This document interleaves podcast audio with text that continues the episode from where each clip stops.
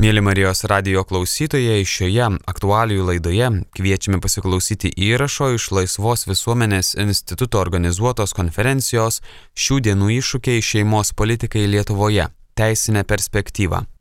Konferenciją moderavo teisininkas, atitininkų federacijos pirmininkas Vytis Turonis. Šios konferencijos organizatorių vardu žodį tars e, Vytauto didžiojo universiteto teisės fakulteto dekanas, docentas daktaras Tomas Bergmanas. Tai leiskite vadovų teisės fakulteto vardu pasveikinti šios konferencijos dalyvius, pranešėjus, klausytojus. Leiskite pasakyti keletą gal tikrai labai bendro pobūdžio minčių konferencijos tematiką, na, kadangi esu daugiau teisės filosofas, teoretikas, tai jos bus gal tokio na, bendro, tikrai holistinio pobūdžio, bet e, tai bus susijęta po to ir, ir su Lietuva. Reiškia, žinomas Britų rašytojas ir publicistas Peter Hitchens yra pasakęs, e, kad Junktinėje karalystėje prieš pat seksualinę revoliuciją, tai yra apie 60-uosius metus, vyko socialiai gerokai svarbesnis procesas. Tai yra buvo stipriai pakeistos E, liberalizavimo linkme reiškia šeimos santaukos institutą reguliuojančios normos. Ypač tapo gerokai lengviau nutraukti santoką. E, sena istorija, bet Hitchens e, būtent tai vadina didžiausia 20-ojo amžiaus revoliucija, o ne ta, kuris sekė iš karto po to. Reiškia, po to sekusi seksualinė revoliucija tarsi nukreipė dėmesį nuo pirmosios ir gerokai svarbesnės, nes, kaip teigia Hitchens, pirmoji, va, ta deramai nepastebėta revoliucija susijusi su didžiaja visuomenės dalimi, tai yra tuo, kaip heteroseksualios poros organizuoja tvarko savo santykius. Bet kuriu atveju šeimos ar santokos institutų va, transformacijos 20-21 amžiuje yra tikrai fundamentalios. To pasiekoje, na, mes žinome, kad dabar turime situaciją, kad nu, apie pusę santokų išyra, mes turime ištisą kartą, kurioje tikrai didelė dalis, jeigu ne didžioji žmonių ir savo vaikystėje nematė stabilios e, šeimos santokos pavyzdžio. Kitas dalykas, e, kaip tai įtakoja kitus fenomenus socialinius, tai vėlgi daugiavaikės šeimos, ypač stabilios daugiavaikės šeimos tampa visišką retenybę. Trys vaikai šeimoje jau mum yra daug. Na, taip pat puikiai žinome, kad pagal statistikos ar ne, vat, informaciją už departamento 19 metus tas suminis Lietuvos gimstamumo rodiklis yra 1,61 ir jis jau ilgą laiką iš esmės nekinta, o tam, kad bendruomenė atsinaujintų, na, mes turim bent du e, su viršum turėti. Naujausi moksliniai tyrimai, reiškia, viešinami tokių informacijos šaltinių kaip BBC, rodo, kad, na, apskritai populacijos augimas Žemė yra baigėsi, 10 milijardų jau tikrai nebus pasiekta. O pagal tuos pačius tyrimus atskiri regionai yra katastrofiško demografinio susitraukimo perspektyvoje. Tarkime, Latvijai prognozuojamas net 78 procentų populacijos susitraukimas iki 2100 metų ir mes žinome, kad Lietuva na, tikrai nėra kažkokioje labai kitokioje situacijoje. Tai procesai čia kažkuo panašus į klimato katastrofos perspektyvą. Skirtumas tik tas, kad apie pastarąją ją reaguojama tikrai labai rimtai, daug apie tai kalbama, rašoma, nors kita vertus už lango kol kas nieko katastrofiško nevyksta, viskas remiasi tiesiog na, labiau moksliniais skaičiavimais, nors aišku jau yra ir tam tikrų realių procesų. Tačiau va tos kitos apskaičiuotos artėjančios katastrofos, nu mes kažkaip, nežinau, tarsi nepastebėme ar nenorime pastebėti. Nežinau kodėl, galbūt norime toliau džiaugtis tokio nepastebėjimo teikiamais to kartiniais privalumais ar, ar, ar laisvėmis. Visgi, atsakau, klausimas, kiek toli mes su tuo galime eiti. Tai man irgi tikrai tai nu, rūpi, tikrai labai neramina, nes vėlgi jaučiu atsakomybę prieš vaikus, anūkus ar tiesiog Lietuvą ir joje gyvenančių ar gyvensinčių žmonių bendruomenę, su kokiamis problemomis jie ateityje susidurs, socialinėmis, apie tai kalbama, bet taip ganėtinai epizodiškai. Mes, manau, turime apie tai kalbėti ir turime kelti klausimą, kaip šią problemą spręsime. Na ir, ir mano galva tokie sprendimai, kaip tarkim tas pats vaiko pinigų dalinimas, jis aišku turi būti tęsiamas, bet tai yra daugiau kosmetinis. Man tai primena, nežinau, ar panašu į nedidelės vėjo jėgainės pastatymą šalia toliau kasamos gilios anglės šachtos. Reiškia, giluminiai procesai susijęs su socialiniais vertybiniais sprendimais, pasirinkimais ir jų įtvirtinimu teisinė reguliavime va, yra tai, į ką atėjo laikas atsisukti ir svarstyti labai rimtai kaip savo esmė egzistencinę problemą, nes sakau, tada ta, ta daina apie 3 milijonus, tai jai tiks tolimo miražo metafora. Tai va, tai dovanokite už tokį galbūt nedidelį pasiplėtojimą sveikinimo kalboje, sakau, man tikrai tai irgi labai rūpi ir ačiū ir geros konferencijos. Nuoširdžiai dėkoju e, Vytauto didžiojo universiteto teisės fakulteto dekanui Tomui Bergmanui už įžanginį žodį organizatorių vardu. E, dėstytojas docentas daktaras Vaičiaitis, kuris su jumis dalinsis mintimis e, pranešimo tema Konstitucinė šeimos samprata ir Konstitucijos interpretavimas. Tikrai labai, labai dėkoju organizatoriams už, už galimybę pasidalinti mano kaip tik paskutinių straipsnių, kuris šiais metais buvo publikuotas. Tai kaip tik e, tame straipsnėje daugiausiai rašiau apie, analizavau būtent e, jau minėtą e, pirmos prelegentės 19 metų sausio 11 dienos Konstitucijos teismo nutarimą Bet e, šitame mano e, pranešime aš gal visgi labiau akcentus kitaip su, e, norėčiau sudėlioti, būtent labiau atkreipdamas dėmesį pačią konstitucinę šeimos sampratą ir aišku interpretavimą. Kai mano pranešimo planas būtų toksai, kad visų pirma konstitucijos samprata kaip trijų pamatinių konstitucinių vertybių tada, sakykime, galim pavadinti taip santykinai šeimos konstitucinis naratyvas, tai yra tas pasakojimas, čia irgi buvo jau kažkiek tai apie tai kalbėta, kokį mes randam apie šeimą skaitydami e, konstituciją. Ir tada e, būtent konstitucijos interpretavimo metodologija ir kaip šitie jau minėti 11 ir 19 metų konstitucinio teismo nutarimai e, atrodo šitam konstituciniam naratyve apie šeimą.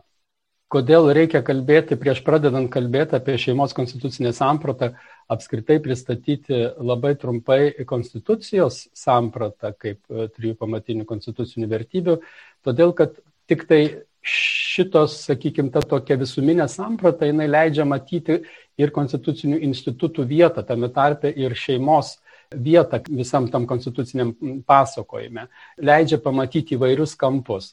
Čia jau buvo minėta, sakykime, Europos žmogaus teisų teismas ir konvencija, kurios 70-metį kaip tik mes e, švenčiame. Tai čia vat, e, labai geras pavyzdys, kuogi skiriasi konstitucija nuo, sakykime, Europos žmogaus teisų konvencijos.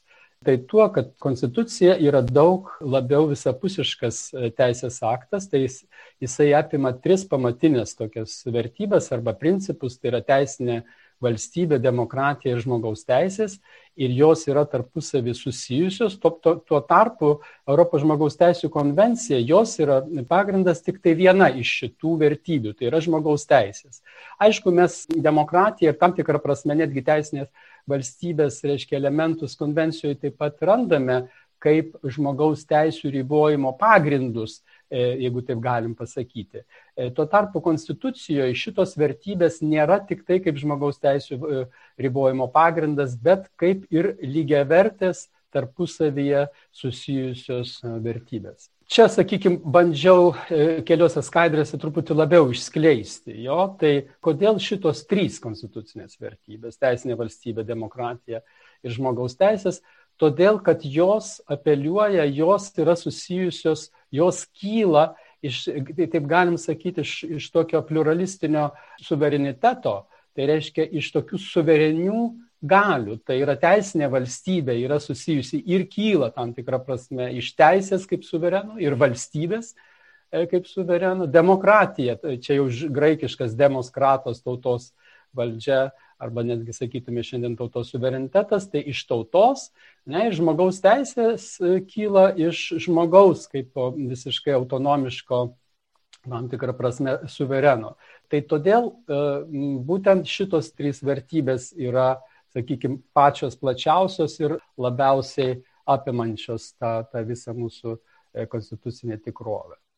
Kaip dar galima žiūrėti į tas, į tas tris vertybės - teisinė valstybė, demokratija, žmogaus teisės, kad jos susijusios irgi jos kyla iš tam tikrų kitų susijusių konstitucinių, sakykime, siekiamybių, jeigu taip galima sakyti. Irgi tai teisinė valstybė su teisingumu, tarp kitko irgi nėra mano sugalvota, bet, bet tai yra mūsų konstitucijoje įvardinta preambulė, jo demokratija su bendruoju gėriu, tiesa, bendrasis gėris yra tik vienoje vietoje paminėtas konstitucijoje ir žmogaus teisės su e, laisvė ir lygybė. Tai jos taip pat irgi, kaip, kaip matot, e, tam tikrą prasme papildo tas teisingumas ir teisinė valstybė, demokratija yra bendrasis gėris, tam tikrą prasme ir, reiškia, laisvė ir lygybė, aš čia matau ne kaip atskiras kažkokias tai vertybės, bet būtent susijusios, susijusios su, su tomis trimis.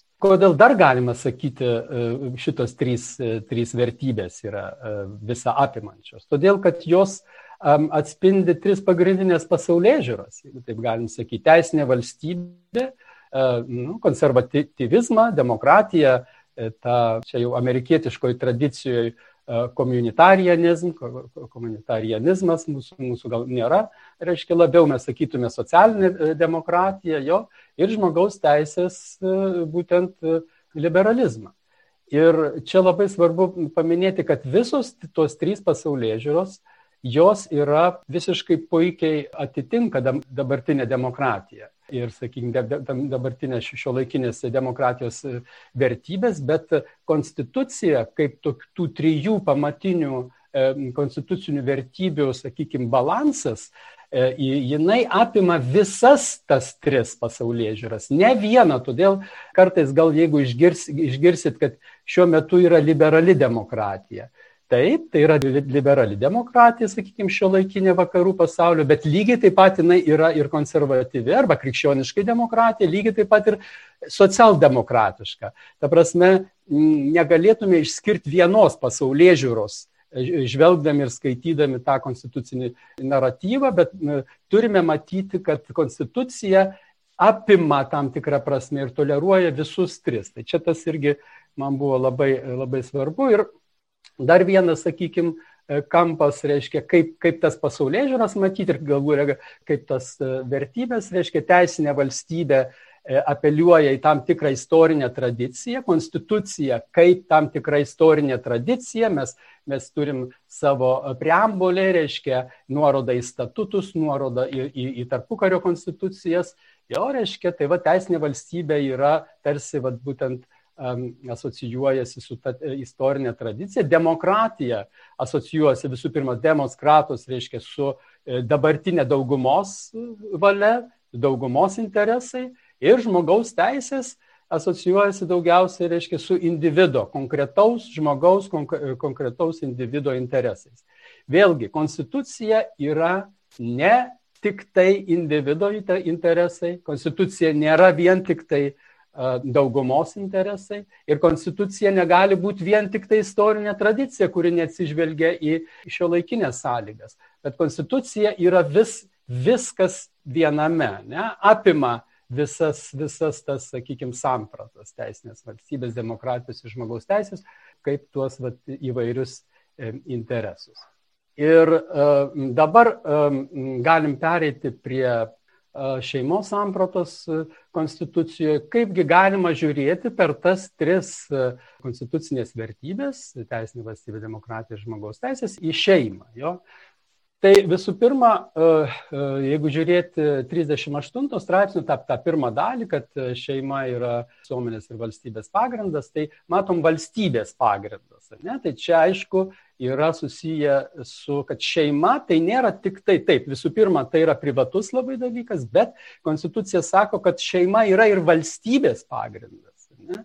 Tai reiškia, iš karto mes matom tą sąsąją su, su, su teisinė valstybė. Po to sako, tas tame pačiame straipsnėje randa, sako, valstybė pripažįsta santokos registraciją. Ne? Reiškia, valstybė turi teisę registruoti. Ne? Vėl čia matom tą uh, sąsąją su teisinė valstybė. Ir kas man dar labai įdomu, kad, e, reiškia, toliau, ką mes randam, tėvai auklėja vaikus būti ištikimais piliečiais, valstybės piliečiais. Reiškia, tėvai pagal konstitucijos pasakojimą tėvai nėra, kad jie auklėja savo vaikus tik savo šeimos interesais, bet jie savo, reiškia, vaikus mato ir visos valstybės kontekste. Ne? Ir, ir, ir ta prasme matom tada va, būtent tą e, sąsąją su, su, su teisinė valstybė. Dabar ar matome su, su demokratijos vertybė, su ta demokrato, su, su, su, su tauta? Taip, matom, vėlgi ta, tas pats 38 straipsnis, šeima yra ne tik valstybės, bet ir visuomenė, sakytume, tautos pagrindas, tautos pagrindinė lastelė, čia aišku jau e, sociologinis terminas, ne, bet konstitucinis būtų, reiškia, vis, visuomenės pagrindas. Ne.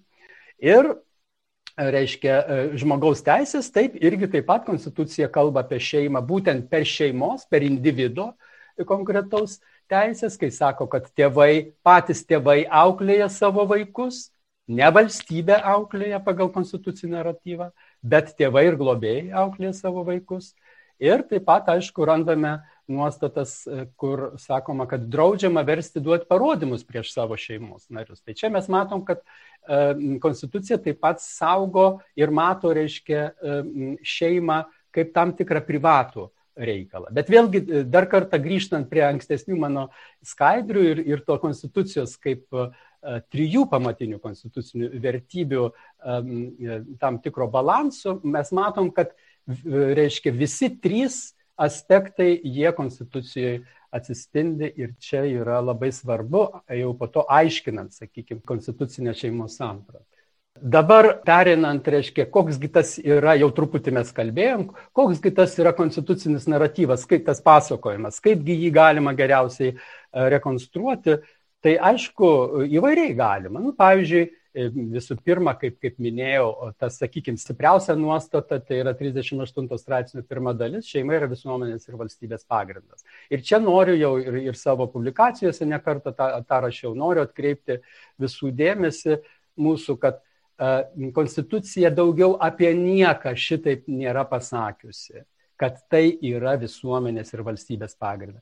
Nėra pasakius, kad tauta yra visuomenės ir valstybės pagrindas, kad valstybė yra visuomenės, nu, valstybės čia aišku sviesas sviestuotas, kad, kad, reiškia, nežinau, kažkokia institucija yra um, visuomenės ir valstybės pagrindas. Ne, šeima yra visuomenės ir valstybės pagrindas. Tai čia reikia tą suprasti. E, būtent kalbant apie, kodėl taip yra svarbu kalbėti konstituciškai apie šeimą. Kaip iš kur kyla šeima pagal konstituciją, jeigu kalbam. Ne, nu, tai visų pirma, aš, e, reiškia, e, taip stengiuosi būti visiškai, sakykime, neutralus, konstituciškai ir sąžiningas. Jo, tai vėlgi 38 straipsnių toliau einam antra dalis - motinystė, tėvystė ir vaikystė, tai reiškia iš vaiko gimimo, reiškia gimsta. Ir čia E, konstitucija nedaro skirtumo, e, ar tas vaikas gimė santokoje ar nesantokoje. Reiškia, jeigu vaikas gimė, yra e, motinystės, tėvystės, vaikystės santykis, pagal konstituciją tai yra šeima pagal 38 straipsnį.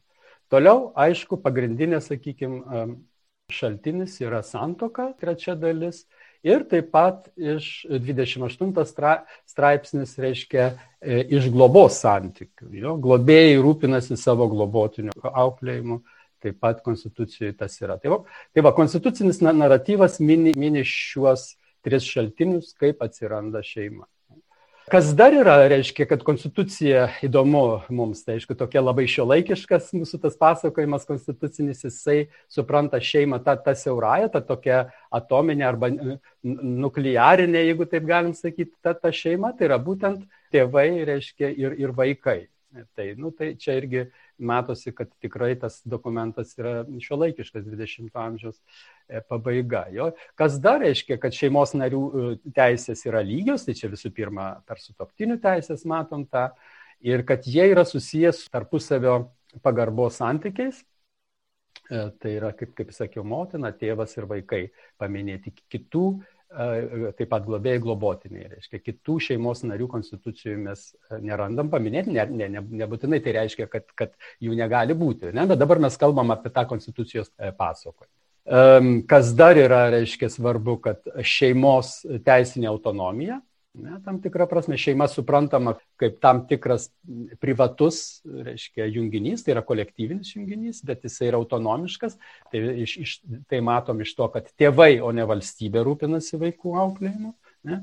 Nu, ir aišku, e, pagal konstitucijos naratyvą, kas labai matosi, kad tam tikrą prasme gal galim sakyti, kodėlgi ir būtent yra šeima yra visuomenės ir valstybės pagrindas, matyčiau, manyčiau dėl to, kad konstitucija sieja šeimą visų pirma su vaikų auginimu ir auklėjimu. Tai va būtent ir per tą ypatingą globą šeimoms auginančiams vaikus, su pirma motina. Tai čia toks trumpas, sakykime, jeigu taip galim sakyti, konstitucinės naratyvas apie šeimą. Gerai, dabar pereikim, kaip žadėjau, keletą minčių, jau, jau čia buvo pasakyta kažkiek tai prieš tai apie konstitucijos interpretavimo, reiškia, metodologiją, bent jau pagrindus. Tai čia tikrai nedėstysiu, jeigu kas, mėly kolegos, norėsit labiau pasiskaityti, tai, tai yra mano publikuota ne, ne vienam straipsniui ir mano minėtam vat, šių metų uh, šitam ir, ir kitose publikacijose, tik tai keletą momentų. Ne, kad, kadangi konstitucija yra aukščiausioji teisė, tai jinai gali būti aiškinama tik tais metodais, kurie yra numatyti konstitucijoje. Tai nereiškia, kad teismai neturi arba negali žinoti kitų šaltinių, ar tai būtų istoriniai šaltiniai, ar tai būtų kažkokie tai tarptautiniai, komparatyvistiniai, lyginamieji šaltiniai, natūralu, bet jais remtis, aiškinant konstituciją, negalima, todėl kad tai prieštarautų konstitucijos viršenybės principų. Tai tai reikštų, kad kažkokie yra kiti šaltiniai, kurie yra aukščiau už pačią konstituciją, todėl mes jais galime remtis aiškinant konstituciją. Ir todėl čia konstitucijos nuostatos negali būti aiškinamos remiantis tarptautinės teisės šaltiniais, jei tai nėra paminėta pačioj konstitucijai. Tarp kitko, yra pasaulyje tokių konstitucijų, kuriuose yra, pavyzdžiui, ten, aš, kas į galvą greičiausiai ateina koks Bosnijos konstitucija, ne, tai ten pasakyta, kad aiškinant konstitucinės žmogaus teisės pagal Bosnijos konstituciją, e, turi būti imamas domen Europos žmogaus teisų konvencijos jurisprudencija. Ne? Nu, tai aišku, jeigu šitokia nuostata konstitucijoje yra, tai tada taip. Bet jeigu tokios nuostatos nėra, tai tarptautinė teisė negali būti tas šaltinis, kuriuo remiantis galima būtų aiškinti konstituciją, nepažeidus konstitucijos viršenybės principą. O kokiegi tada tie šaltiniai reiškia? Nu, tai manyčiau, kad pagrindiniai aiškinimo šaltiniai kyla iš konstitucijos kaip jos lingvistinio kalbos akto esmės. Tai yra visų pirma gramatinis, loginis ir sisteminis visuminis. Tai čia tikrai kol kas nėra vieta ir, ir laikas plėtoti tą, tą labiau. Dabar pabaigai norėčiau paminėti, e, reiškia, konstitucijos e, du nutarimus, tik tai, tik tai trumpai jau e, apie juos buvo užsiminta, tai yra 11 ir 19 metų. Tai reiškia, čia aiškinant konstituciją, cituoju, ne, kad konstitucijos 38 straipsnė, pirmos dalies nuostatas gina kitokias nei santokos pagrindų sudarytas šeimas, tai yra santokos nesudarusių, čia labai svarbu, vyro ir moters bendro gyvenimo, kuris grindžia, grindžiamas tame tarpe vaikų bendro auklėjimo e, pagrindais, remiantis tuo konstituciniu motinystės, tėvystės ir vaikystės institucijos pagrindu. Tai dabar klausimas ir, ir atsakymas iš karto jo, kad toks konstitucijos aiškinimas, e, mano manimu, visiškai atitinka konstitucijos naratyvą. 19 metų nutarimas, buvo sakoma, kad 18 metų Europos e, e, teisingumo teismo e, sprendimas, Koman ir, ir kiti byloje, reiškia, interpretuojant, aiškinant ketvirtų metų direktyvą Sąjungos dėl laisvės judėti, um, vartojimas santoka su toktinis yra neutrali lyties atžvilgių, tai toliau Konstitucinis teismas e, taip pat teigia, kad konstitucinė šeimos samprata, be kita ko, taip pat yra neutrali lyties e, požiūrių.